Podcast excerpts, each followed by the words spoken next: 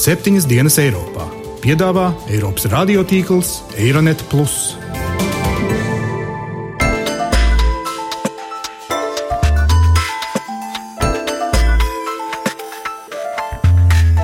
Šonadēļ septiņas dienas Eiropā dzirdēsim. Al-Qaida, viņi ir visi copy-paste, viņi ir vienādi. Sunītu un šīdu attiecībās Pravietis ir viens. cīņa par varu. Tagad sāku runāt visi par mieru Sīrijā.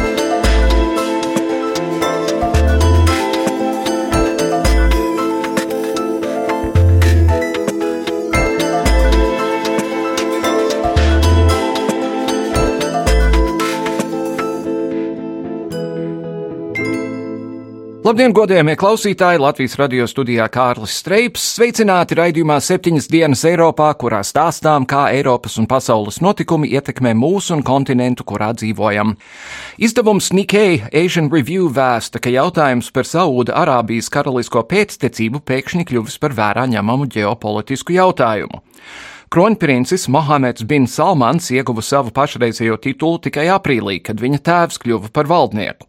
Toties viņš īsā laikā ir paspējis iegūt ievērojumu varu un ietekmi pār valsts aizsardzības, ekonomikas un naftas politikām. Šī straujā varas koncentrācija izraisījusi kurnēšanu un neapmierinātību karaliskās ģimenes locekļos. Tiek runāts, ka princim ir bijusi noteicoša loma pēdējā laika karalistes militārajā iejaukšanās kaimiņu valstīs, kas bojā attiecības ar sabiedrotajiem. Turklāt kroņprincis arī ir pazīstams kā reformators, kurš uzskata, ka jāapcēr valsts subsīdijas un jārada vairāk darba vietu pilsoņiem. Šādas straujas politiskas maiņas radījušas lielu spriedzi Saūda Arābijas valdošajā elitē. Kā visspēcīgākās balsts OPEKā un Islāma svētās pilsētas Mekas uzraugam, notiekošajam Saūda Arābijā ir būtiska loma reģionā, kā arī ārpus tā. Ja Saūda Arābija kļūs nestabila, tad situācija tuvajos austrumos un naftas tirgu visdrīzāk kļūs vēl drūmāka. Starptautiskai sabiedrībai vajag cieši pieskatīt, kā norisinās šī paudžu varas maiņa karalistē. Tālāk šodien raidījumā spriedīsim par vēsturiskās cīņas uzliesmojumu starp šīītu un sunītu varas centriem Rijādu un Teherānu. Šādai cīņai par politisko un reliģisko ietekmi reģionā visdrīzāk būs ģeopolitikas sekas, kas sniegsies tālu aiz tuvo austrumu un līča valstu robežām. Par to sīkāk manas kolēģis Gitas Siliņas sižetā. Janvāra sākumā saniknoti protestētāji mēģināja ielausties un nodedzināt Saudarābijas vēstniecību Teherānā, kā arī konsulātu Mešhedā. Protestus bija izraisījis Saudarābijas lēmums sodīt ar nāvi 47 terorismā aizdomās turētas personas. Vairums ar nāvi sodīto bija sunnīti, kuri apsūdzēti par līdzdalību ar grupējuma Al-Qaida saistītos teroraktos pēdējo desmitgadu laikā. Nāves sodi tika izpildīti cilvēkiem nocērtot galvas vai nošaujot. Sodīto vidū bija arī ietekmīgais šīta sludinātājs garīdznieks, 56 gadus jaunais Nimrs Alnimrs.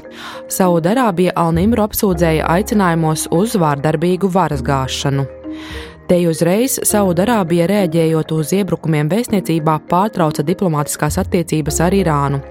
Saudarābijas paziņojumā tika norādīts, ka Irāna iejaucas karalistes iekšējās lietās, kā arī īsteno naidīgu politiku visā reģionā, piegādājot bruņojumu un vairojot terorismu.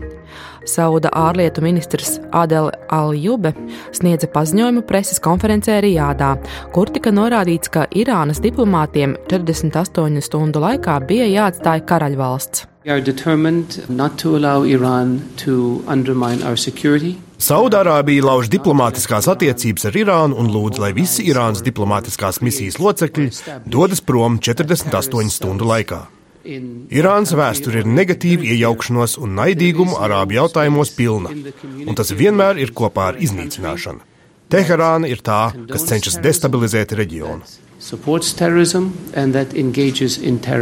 Tikmēr Irānas prezidents Hasans Rohani nosodīja Nimra nonāvēšanu un arī paziņoja, ka uzbrukums Saudarābijas vēstniecībai ir neattaisnojams un vainīgie par to jāsauc pie atbildības. Tāpat Irāna norādīja, ka sludinātājs jau kopš Arābu pavasara nemieriem bija aicinājis mierīgā ceļā nomainīt Saudarābijas karalisko ģimeni. Procesu vērotājiem varētu šķist, ka notiek senas cīņas par sunītu un šītu vērtību aizstāvību turpinājums. Savukārt politikas analītiķi norāda, ka abas valstis ir izteiktas konkurentes gan par naftas lielvalstu statusu reģionā, un arī pasaules līmenī, jo centrālā runa ir par ģeopolitiku, varu un ietekmi bet pavisam vienkārši skaidrojot, notikumu vēsture liecina, ka šodienas notikumu aizsākums kara starp Saudārābiju un Irānu veidolā datējams ar 1979. gada Islāma revolūciju Irānā un sekojošo cīņu par reģionālo hegemoniju starp Rijādu un Teherānu bet tieši pašu šītu un sunītu sacensībai ir daudz dziļākas saknes, vismaz 1300 gadus senas. Turpinot par mūsdienām, Saudārābija, kur iedzīvotāju vairākums ir sunīti, un Irāna, kur iedzīvotāju vairākums ir šīti, atbalsta konkurējošos spēkus Sīrijas un Jemenas konfliktos, un attiecības abu valstu starpā pēdējo notikumu dēļ ļoti pasliktinājušās. Diplomātiskās attiecības ar Irānu pagājušo nedēļu sarāva arī Bahreina, kur pie varas ir sunīti, bet apvienotie Arābu Emirāti atsaukuši no Irānas savu vēstnieku un ierobežojuši diplomātiskās attiecības ar Teherānu. Bažas par garīdznieka Alnimra sodīšanu ar nāvi un šīs soļa sakām paudusi arī ASV un Eiropas Savienība. Vašingtona norādīja, ka Saudarābija riskē sāsināt starpkopienu spriedzi laikā, kad to steidzami nepieciešams mazināt. Savienības augstā pārstāve ārlietās Federika Mogherini ir aicinājusi Saudārābiju un Irānu izvairīties no konflikta eskalācijas. Arī Vācijas un Francijas ārlietu dienesti atsevišķi ir aicinājuši puses mazināt domstarpības un sēsties pie sarunu galda. Federika Mogherini arī pauda nožēlu par nāves soda izpildi, atkārtojot Savienības stingro nostāju pret nāves sodu izmantošanu jebkādos apstākļos, un jo īpaši masveida nāves soda izpilžu gadījumos. Konkrētais gadījums ar Nimru Alnimru rada nopietnas bažas par vārda brīvību un pamata pilsoniskajām un politiskajām tiesībām, kas jāaizsargā visos gadījumos, arī saistībā ar cīņu pret terorismu. Šī lieta vēl vairāk aktivizē reliģisko spriedzi, kuras dēļ jau nodrīts milzu kaitējums visā reģionā ar bīstamām sekām. Savukārt Turcija, kas ir vēl viens tuvo austrumu varas centrs, strīdā šobrīd neiejaucas. Prezidents Radžeps Taips Erdogans pagājušo nedēļu pirmo reizi publiski izsakoties par notikumiem, kas izraisījuši krīzi Saudarābijas un Irānas starpā, atteicās nosodīt Saudarābijā notikušo nāves sodu izpildi 47 cilvēkiem, sakot, ka tā ir karalistes iekšējā juridiska lieta. Tas, vai jūs tam piekrītat vai nepiekrītat, ir atsevišķs jautājums, tā sacīja Erdogans. Šis konflikts, kurā saistītas Saudārābija, Irāna, pretējas grupas Sīrijā un Irākā un arī pretējas puses Jemenā, ir vēl viens izaicinājums iespējamiem virzieniem, kuros varētu pagriezties reģionālā spriedze un, piemēram, ASV attiecības ar Saudārābiju. Raidsabiedrība Democracy Now! vēstīja, ka saskaņā ar Baraka Obamas administrāciju ASV nesen ir reģistrējusi oficiālu dokumentu par jaunu ieroču tirzniecības līgumu ar Saudārābiju par 50 miljardiem dolāru.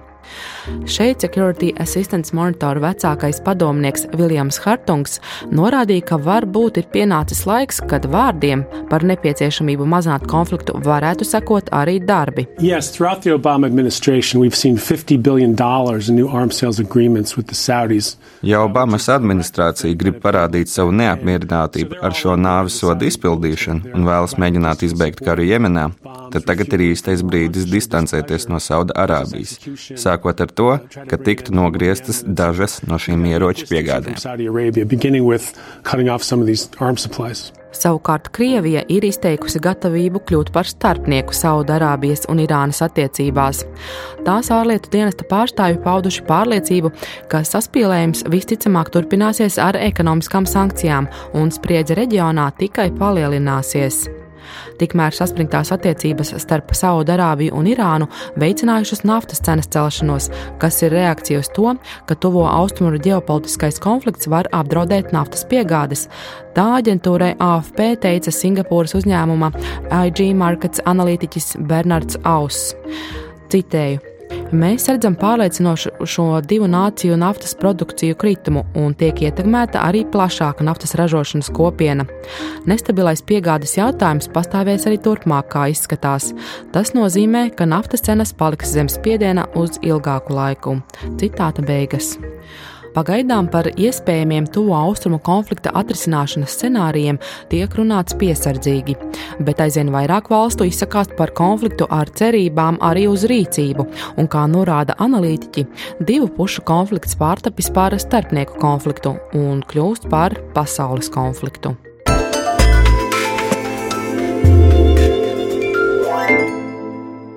Sakarā ar seno, bet atkal aktuālo tuvo austrumu konfliktu starp Irānu un Saudu Arābiju nolēmām, ka šodien nepieciešams vēlreiz skaidrot sunītu un šītu vēsturisko un teoloģisko dalījumu, kā arī spriest, kāpēc un kā šī dalīšanās vēl šodien spēj ietekmēt mūs.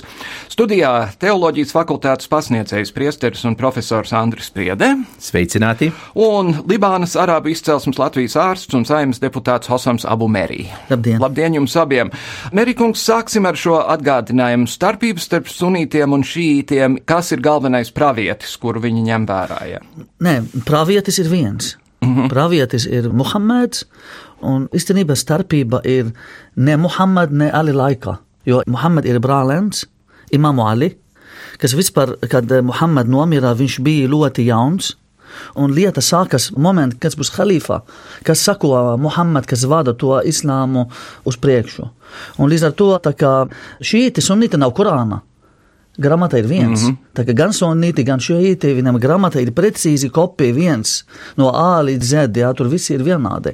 Vienīgi, ka šeit, kā viņi vairāk uzskata, ka Imāmu Ali, tas ir pravietis brālēns, viņš vajadzētu būt sako Muhammad. Ne, piemēram, daži halifāti, kas bija Abu Bakrs Sadīk, Osman un daži, kas Omārs. bija Omārs. Jā. Mm. Tagad tas jautājums īstenībā politiskais jautājums nav reliģiskais jautājums. Tas ir drīzāk runa ir par cilvēku ambīcijām. Jā, tas ir cilvēku ambīcija, jo arī, kad Ali tika nogalināti, Viņš arī nebija nekādu šoīti, vēl nebija nekādu sunīti. Tas parādīs arī, kad Moavija viņš nogalināja Ali dēli, Hasan un Huseins. Mm -hmm. Un tā process, kas notika tajā laikā, no turienes parādījās tā šijā, šīta, jo vārds arabu valodā bēres, kas notika bēres process un ņem, piemēram, zarku un staigāt uz kapu, mm -hmm. tas arabu valodā nozīmē tā šijā. Aha.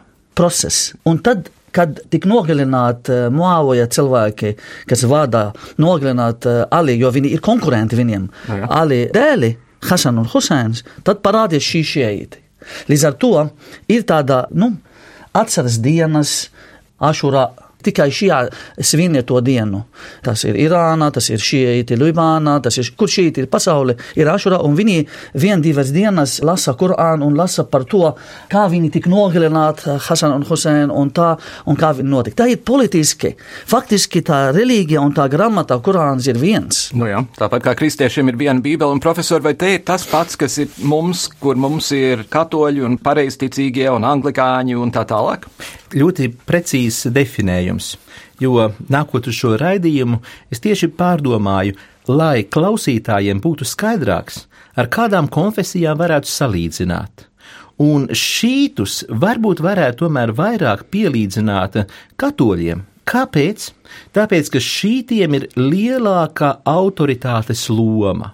Jo, teiksim, kristietībā pareizcība, Pareizcība iet uz priekšu ar tradīciju, un tas ir tas, kas ir sunnītiem, sunna, dažādi hadīsi, tradīcija, Muhammad. bet neviens nav tādas lomas atbildīgais, kad viņš varētu tagad ar savu autoritātes spēku pavēlēt visiem islāma ticīgiem skaidrot Korāna konkrēto pielietojumu konkrētā situācijā tieši tā un ne citādāk. Kā to dara Romas pāvests? Kā to dara pāvesta maģistērijas, respektīvi personas, kuras uzstājās Romas maģistērija un pāvesta vārdā.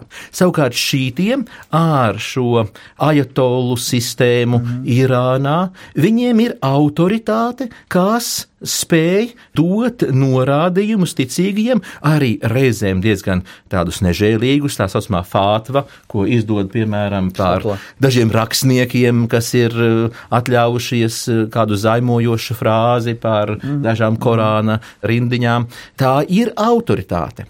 Bet mums, Eiropiešiem, varbūt tomēr šodienas skata punktā ir labāk, kad ir viena konkrēta autoritāte, ar kuru var diskutēt, nekā viss tas miljards, kur katrs islāma ticīgais var paņemt Kalašņikovu un teikt, bet es saprotu, ka man šī brīdī ir jādodas svētajā karā, un neviens viņam to nevar aizliegt. Mm -hmm. Jo izcilākā doktrinālā autoritāte, kas ir sunīta pasaulē, mufti, mufti vai arī, teiksim, Kairas universitāte. Jā. Kairas universitāte, viņa bauda lielu prestižu. Jā, ka teoloģijas, kā, nu tā. Mm -hmm. Bet jāsaka, vai nav. lasīt pretējs vai lasīt nepratējs, mm. musulmanis, viņš pat ir dzirdējis par Kairas universitātes izteikto aizrādījumu, ka terorisms nu nepavisam nav tas labākais veids, kā propagandēt un darīt pozitīvu skatījumu uz islāmu visā pārējā pasaulē. Vai te ir velkams paralēlis ar to, kas notika Ziemeļīrijā savulaik, kad katoļi un protestanti arī ņēma rokās šautenes un Paralēlis ir velkamas vēsturiskā šķērsgriezumā, ka Ziemeļīrijā tā bija cīņa par vāru. Un sunītu un šītu attiecībās, kā perfekti mūsu kolēģis to skaidroja, arī tas iesākums pirms nekā parādījās arī doktrinālas domstarpības, iesākums bija tikai un vienīgi cīņa par varu, kurš būs likumīgais halīfs. Pēc um, Alī nāves, respektīvi pēc pirmā pilsoņu kara, ko jau izcīnīja ar Muhameda atraitni Aišu, Jā. jau 656. gads pirmā lielā kauja pie Basras, pirmā Jā. kamieļu kauja, Jā. mazliet mums liekas eksotika, bet tā ir traģēdija, kā augot, un desmit gadu laikā pēc pravieša Muhameda nāves jau bija notikusi pirmā grandiozā ekspansija uz zoroastriskās Persijas un pareizcīgās Bizantijas rēķina, un tagad dalot šo mantojumu, šo laupījumu, šos Jā. iekarojumus, mm -hmm. nu, kurš tad būs tas, kas sadalīs? Mm -hmm. Pirmais pilsoņu karš, kurā Alī uzvar, bet pēc tam pārceļot rezidenci uz Hūfu no Medīnas, no vēsturiskās Mohameda rezidences, jau pieaug šīs pretenzijas, un šī mūsu kolēģi minētā Moāvijas atriebība pār Osmana nāvi veicina neizšķirtu kauju, tad šķīrēja tiesu, un līdz ar to jau Alī pazaudēja savus pirmos sekotājus, saucamie mm. haridžīti, un visbeidzot pēc Alī noslepkavošanas arī abi viņa dēli zaudē dzīvību.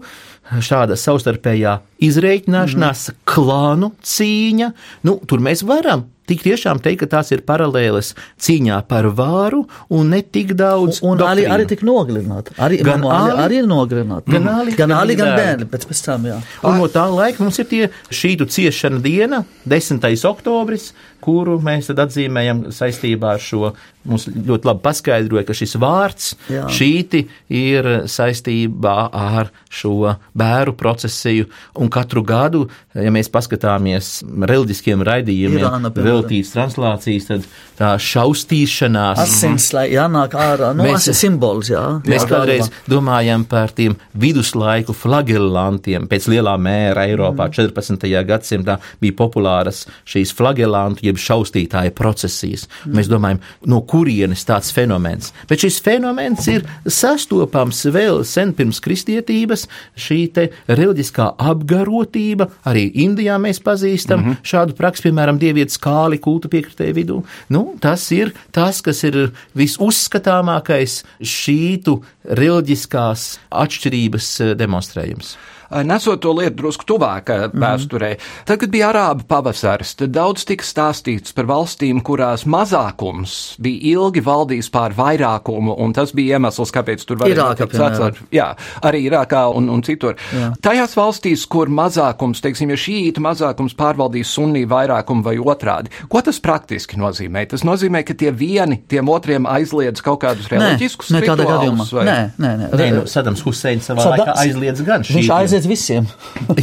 nē, viņš jau kristieši nē, kristieši tāpēc par Huseinu tā fanoja, ka, piemēram, kaut vai armēņiem viņš pat uzdāvināja Bagdādas centrā zemi katedrāls būvei. Jā, jā, bet viņš neaizliegts iet, piemēram, lūgt dievu, jā? Nē, nē, bet, nē. Bet, bet, eh, bet viņš, viņš bija sēru, publiskā sēru, sēru nebija, nebija. no Bagdādas uz Kūfu, tas tiešām nebija. Nu, viņš jau bija sunīti, un sunīti uzskata, ka tās lietas nevajag pārspīlēt. Nu, ir mm -hmm. tā politiskais karš, nogalināt divi dēli, no nu, preti arī nogalināt citi, jā, un nevajadzētu īpaši šī divi bērni. Bet viņi, viņi arī, piemēram, kad notika tā eh, dievs lūkšanas pieci reiz dienā, ja tu, piemēram, esat Irāna vai šīta mošē, tu dzirdi, ka tā lūkšanas arī minē par Ali. Ja? Mhm. Piemēram, nu, sunīti nav tāds dala. Sunīti, kā profesori teica, ka viņi seko pravietis sunna. Jā, sunna tā kā viņš ir dzīvo un kāda tradīcija bija un neko nemainījies. Jā. Mm -hmm. Un tā Korāna, kā Korāna grāmata, un, protams, ko Muhamed tik runā, kaut kur reģistrēt, kaut kur cilvēki klausīja un aizgāja pēc dažiem simtiem gadiem ir uzrakstīti, jā, tas ir transkript vai paskaidrojumi par Korāna dažādas pantinies. Nu, šeit arī šeit ir lietas, ko viņi arī var pateikt, piemēram, par laulības, par dažādas lietas, kā drīkst tā saucamā mutā mutā laulībā, kā vīrietis aiziet pie sieviete un parunā ar viņu, viņš uzdāvina viņu dāvanā un viņa kļūt par sievu uz mēnesi. Mm -hmm. Piemēram, ja? Kur sunītie vairs tā nav, jo tā īstenībā bija vienīgie momenti, kad bija karš, un vīrieši daudz krita. miruši, krita, un uh, pravietis, lai sieviete negul, nu, kā teikt, ar, ar, lai nepalikt, nepalikt nu, bez dzīves biedra. Bez dzīves Jā. biedra, tad viņš uz laiku atļauja, nu, precēties, piemēram, konkrētu vīrietis, kas uz vietas, uz pusgādu, lai viņš arī, nu, dod naudu pērni, ja viņa ir bērni, lai būs tā kā normāli, nu, tādas, un, un, ja īstais, īstais vīrs tad pārnāca mājās, tad tas otrs vīrs. Bet viņš tad... nomira, no, o, tikai tā, ka viņš nomira. Jā, jā. Nē, Vai... bet tā ir eksotika. Atzīsim, ka šodien Irānā nu, tā prakse netiek īpaši popularizēta. Nu, tā ir. ir. Nu, es jau zinu, es zinu, nu, Libāna, es zinu Libāna, ka kaut kādu daži procenti arī daži arābi kolēģi, kas ir šajā arī Latvijā, kaut kādu no neoficiāli papīru, bet viņi demonstrē, lai viņi jūtas, ka viņi neko slikti nu, nedara. Labi, nu, labi, nu, tas arī, arī Bībelē. Swinger klubs, vai ne? nu, jā, jā, bet nu, nu, tas ir smieklīgi, bet. Bet, bet arī Bībelē ir runa par brāļa pienākumu attiecībā uz mirušā. likums jā. Eh, skaidrs, bet katrā jā. ziņā, teiksim, Irānas šītu likumdošana tomēr nav tik eh, anahroniska. Piemēram, pat šis nosacījums, ka tu nevari ņemt tās to trešo un ceturto sievu, ja tu nevari fiziski uzturēt. Protams. Tā kā, nu, diezgan tomēr tā ne, racionāli. Es, es saku, ka pa, ir ļoti tādas sīkas lietas, piemēram, mantojums, jā. Sunnīte Labi. Eh, uzskata, kā vīrietis eh, divi trešdala un viena trešdala sieviete. Mm -hmm. Ja nomira, piemēram, tēvs, tad mantojumi ir sadalīti. Šī domā, nē, pusi pusē.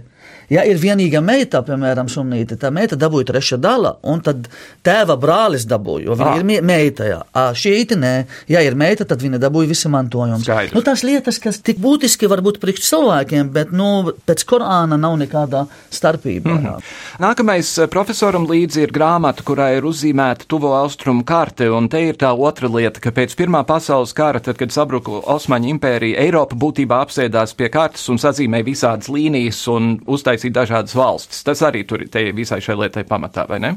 Nu, kurā vietā tas netika darīts. Kad mēs paskatāmies Āfrikas robežas, viņas Arī. ir vilktas ar lineālu, mm. pat neņemot vērā upju vai kalnu grēdas, bet nu tā, lai būtu vienkāršāk robeža starp Lībiju un Ēģiptu pa tuksnesi, kuru neviens īsti dabā nevar ieraudzīt, bet mm tas mhm. ir taisna stūra līnija taisa stūrleņķi.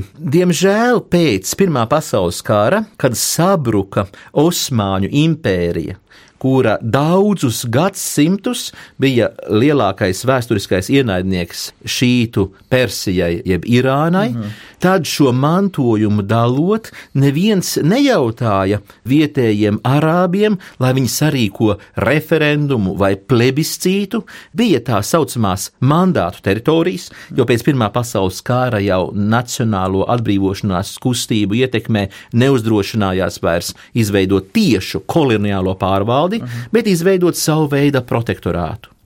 Un jāatzīst, ka tas pozitīvais ir, ka vismaz tika ņemta vērā Libānas specifika. Jo Libāna iegūta tomēr savu mandāta teritoriju ar paplašināta. Arī Libāna bija vēl pat tikai paplašināta. ir bija kalnos tikai. Tā ir Libānas lielais valsts. Jā, Bet arī. Beikas ielēja, ja nekļūdos. Jā, nāk no Sīrijas. Libāna un Sīrija arī ir ļoti tā kā vienu valsts no viena pusē. Vēl jāatzīst, ka īslaicīgi pat bija izveidota sava mandāta teritorija Latakija.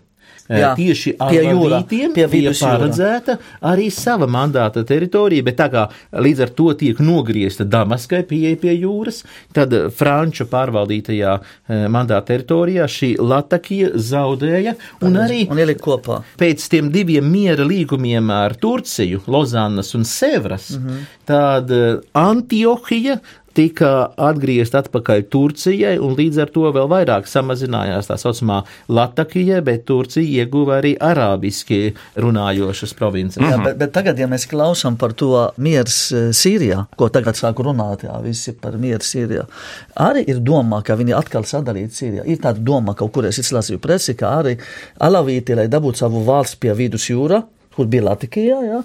un Damaskas tad būtu vienu sunītu pusē, un tad vienu kurdi vai vienu šeiti pusi uz Irākā pusē. Arī, mm -hmm. arī sāk kaut kur domāt, jā. Par ko Turcija noteikti Par to tagad, jā, protams, pēdiņās. Turcija. Jo šeit būtu runa tad dalīšana ne tikai pēc reliģiskiem, bet arī Ne, ne, pēc etniskiem. pēc etniskiem, protams, ir arābi, kurdi, ir kurdi. kas ir indoeiropieši. Jā, Un jā. savukārt eh, arābi, kuri ir tad līdz ar to sadalīti pēc reliģiskajiem. Jā. Jā. Libāna kristieši, Latakija alavīti un pārējā. Sīrija sunnīti.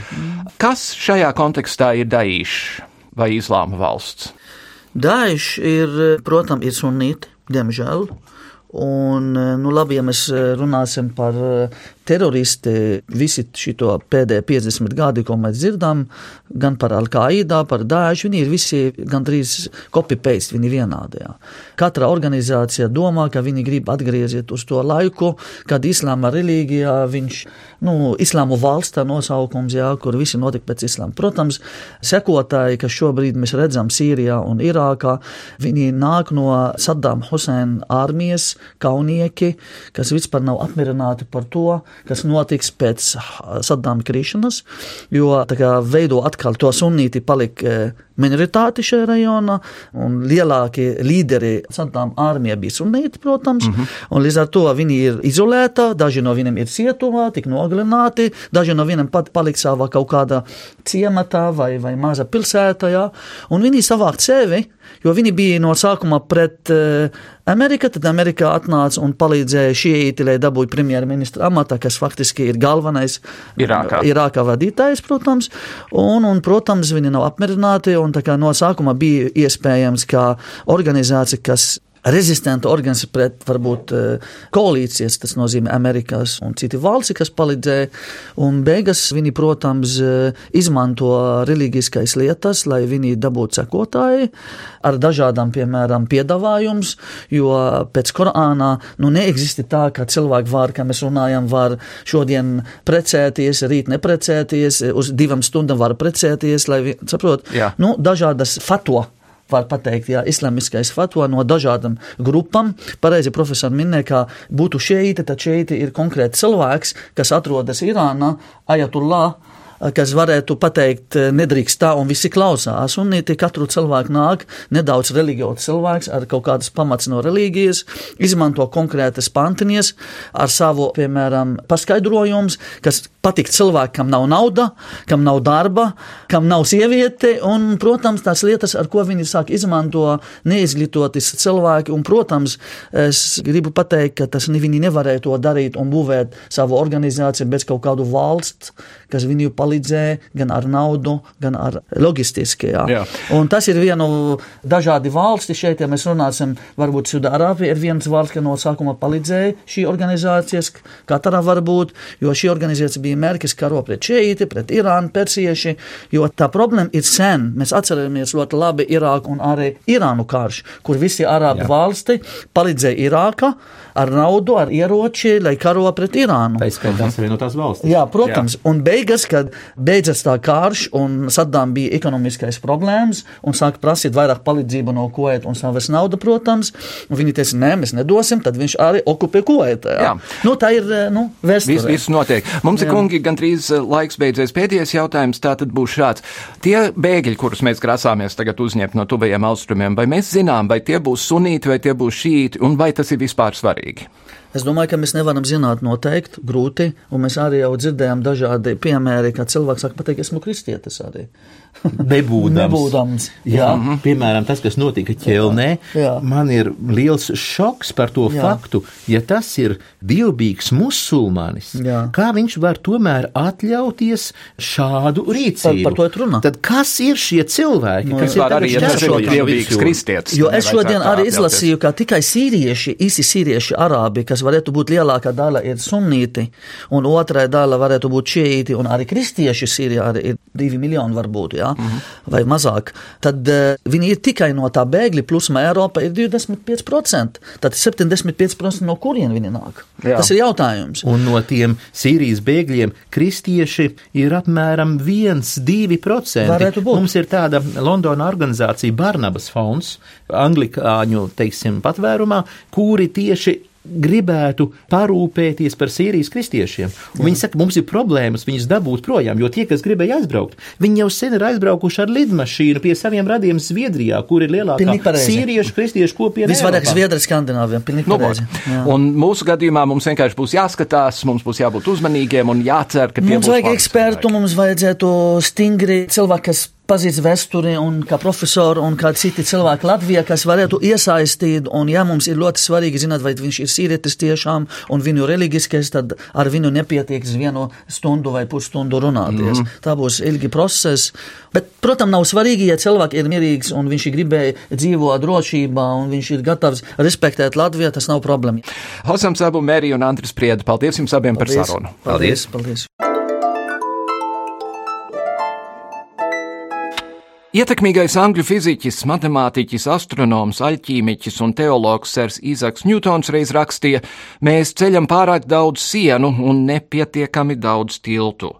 Mēs septiņas dienas Eiropā esam dzīvē paspējuši pat šādus tādus tiltus arī nodedzināt. Pagājušo nedēļu tika ziņots, ka ceļotāji uz Ēresundas tilta starp Zviedriju un Dāniju pēc 50 gadu ilgas pauzes atkal tiek pakļauti robežu kontrolei un pasu pārbaudēji. Aicinājām ANO bēgļu aģentūras konsultantu Digi Melbiksi komentēt šī notikuma simbolisko nozīmi, jo iepriekš šis tilts tika uzskatīts par Schengenes zonas un pārvietošanās brīvības simbolu. Vai jaunā kontrole ir solis migrācijas ierobežošanai, vai varbūt politisks žests populāriem radikāļiem Skandināvijā? Šis tilts bija ļoti nozīmīgs, ir joprojām, protams, arī ļoti nozīmīgs Zviedrijai un Dānijai šo valstu sadarbībai, jo ap to izveidojās šis tā sauktais ēresundas reģions, kur cilvēki vienā otrā pusē sadarbojas, strādā, ir kopīgas kompānijas un tā tālāk un tā joprojām. Visu laiku šī kustība bija brīva vienā otrā virzienā, un šobrīd ir tā, ka aptuveni 15 tūkstoši cilvēku katru dienu braukā šurpu turpu pa šo tiltu, un vairāk nekā puse ir ar šo vilcienu, kur visi tiek pakļauti šai kontrolei automašīnas visas īsti nepārbauda. Tā kā simbolisks šis stils un šī brīvība bija, bet eh, jāpiezīmē gan, ka ar visiem šiem dokumentiem, ID kartēm un tam līdzīgi tas jau nekad nav īsti perfekti funkcionējis. Bet vienkārši īpaši Skandināvijā kopumā ir bijis tā, ka cilvēki ir varējuši ceļot vispār bez dokumentiem ļoti ilgi. Cilvēki ir pie tā pieraduši un daudz vispār ikdienā nenesā līdzi pases. Un, protams, ar šo kontroli ieviešanu arī ir bijuši interesanti momenti, jo šīs ID kartes, kuras, piemēram, Zviedrijā izdod, izdod dažādas iestādes, un um, šie kontrolieri, kas ir privāta organizācija, viņi, acīm redzot, piesardzības kaut kādas no šīm kartēm vienkārši negribēja atzīt. Nu, protams, arī cilvēkiem nepatīk, ka viņu dokumentus visus fotografē, ja, tātad, nu, kas notiek ar šiem datiem, ko tur tālāk dara, kā viņus uzglabā, kā ir ar šo datu drošību un tā tālāk, un tā joprojām jautājumu ir daudz, bet uh, kāds ir bijis mērķis no Zviedrijas valdībai? Šis mērķis bija ļoti konkrēts, ka nu, šis lielais, milzīgais patvērumu meklētāju skaits pagājušajā gadā kopumā ir bijuši 163 tūkstoši. Tas ir absolūts rekords, un visvairāk ir bijis pagājušā gada pēdējos mēnešos, līdz pat 11,000 cilvēku nedēļā. Nu, migrācijas ministrs ir pateicis, ka šo ciparu vajag dabūt stipri uz leju. Šobrīd ir apmēram līdz 2,000 nedēļā, un to vajagot vēl zemāk dabūt, jo Zviedrija vienkārši nespēja šos visus cilvēkus pienācīgi uzņemt. Tā tad nav doma par to, ka Zviedrija nācija kaut kādā veidā būtu apdraudēta, bet šie cilvēki, kas ierodas, viņiem uzreiz, protams, ir kaut kas vajadzīgs, kam ir medicīniska aprūpe vajadzīga, bērniem vajadzīga skola, bērnu dārza un tā tālāk. Un, protams, jums virs galvas pirmajā periodā kur patvērties, un tad, protams, pastāvīgi dzīvesvieta ar to ir lielas problēmas. Vienkārši nav šo telpu. Un liela problēma ir bijusi arī ar, ar šiem bērniem, kas ierodas bez pavadoņiem. Kopumā ir pagājušajā gadā ieradušies tik daudz šo bērnu, ka tās ir tūkstoši skolu klases. Nu, tas viss ir jānodrošina. Ja? Bērnam ir tiesības iet skolā, tas ir jānodrošina. To nevar vienkārši tā ignorēt. Un, nu, Zviedrija raugoties uz visu šo, un plus vēl uz to, ka nu, vesela rinda Eiropas Savienības valstu, kā viņi to uzsver, nepiedalās šajā solidārajā pasākumā, viņi ir ieviesuši šīs kontroles. Nu, tur gan ir vienošanās tagad ar Eiropas komisiju pēc sarunām, kur piedalās gan Zviedrija, gan Dānija, ka pēc iespējas ātrāk nu, šīs kontrolas tiks arī atceltas. Jo, protams, Arī Schengenas sadarbības ietvaros nu, nav paredzēts, ka tādi pasākumi būtu ļoti ilglaicīgi. Ja, tie ir tomēr izņēmumi. Tur risinājums ir viens faktiski, un tur arī Zviedrijas migrācijas ministrs uzsvēris, ka atvainojiet, Eiropas Savienības sastāv nevis no vienas, divām, trim valstīm, bet no daudz vairāk valstīm. Un ka Zviedrija ir uzņēmusi per capita visvairāk bēgļus, un nu, ir valstis, kuras gandrīz nemaz neuzņem bēgļus, nu, tā skaitā arī Latvija. Ka, ja mēs šos cilvēkus godīgi, taisnīgi, pēc visām iespējām izskatot, cik kura valsts var un grib, ja mēs viņus sadalītu, tad e, šādu problēmu nebūtu. Bet tagad mēs redzam arī šīs situācijas, nu, piemēram, Zviedrijā šobrīd neviens patvērumu meklētājs bez dokumentiem, kas ir derīgi Zviedrijā, ja viņam nav faktiski vīzas, viņš nevar tikt iekšā. Tad, tad eh, tas vienkārši nav iespējams.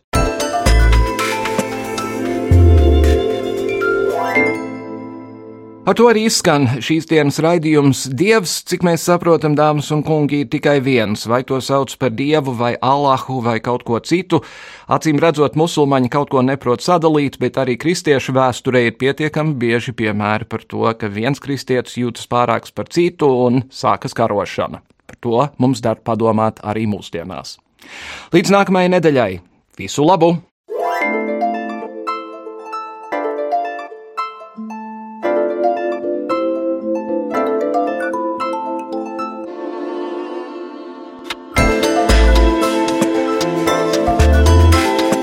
Raidījumu veido Kārlis Streips, Gita Siliņa un Jānis Krops. Producents Lukas Rozītis.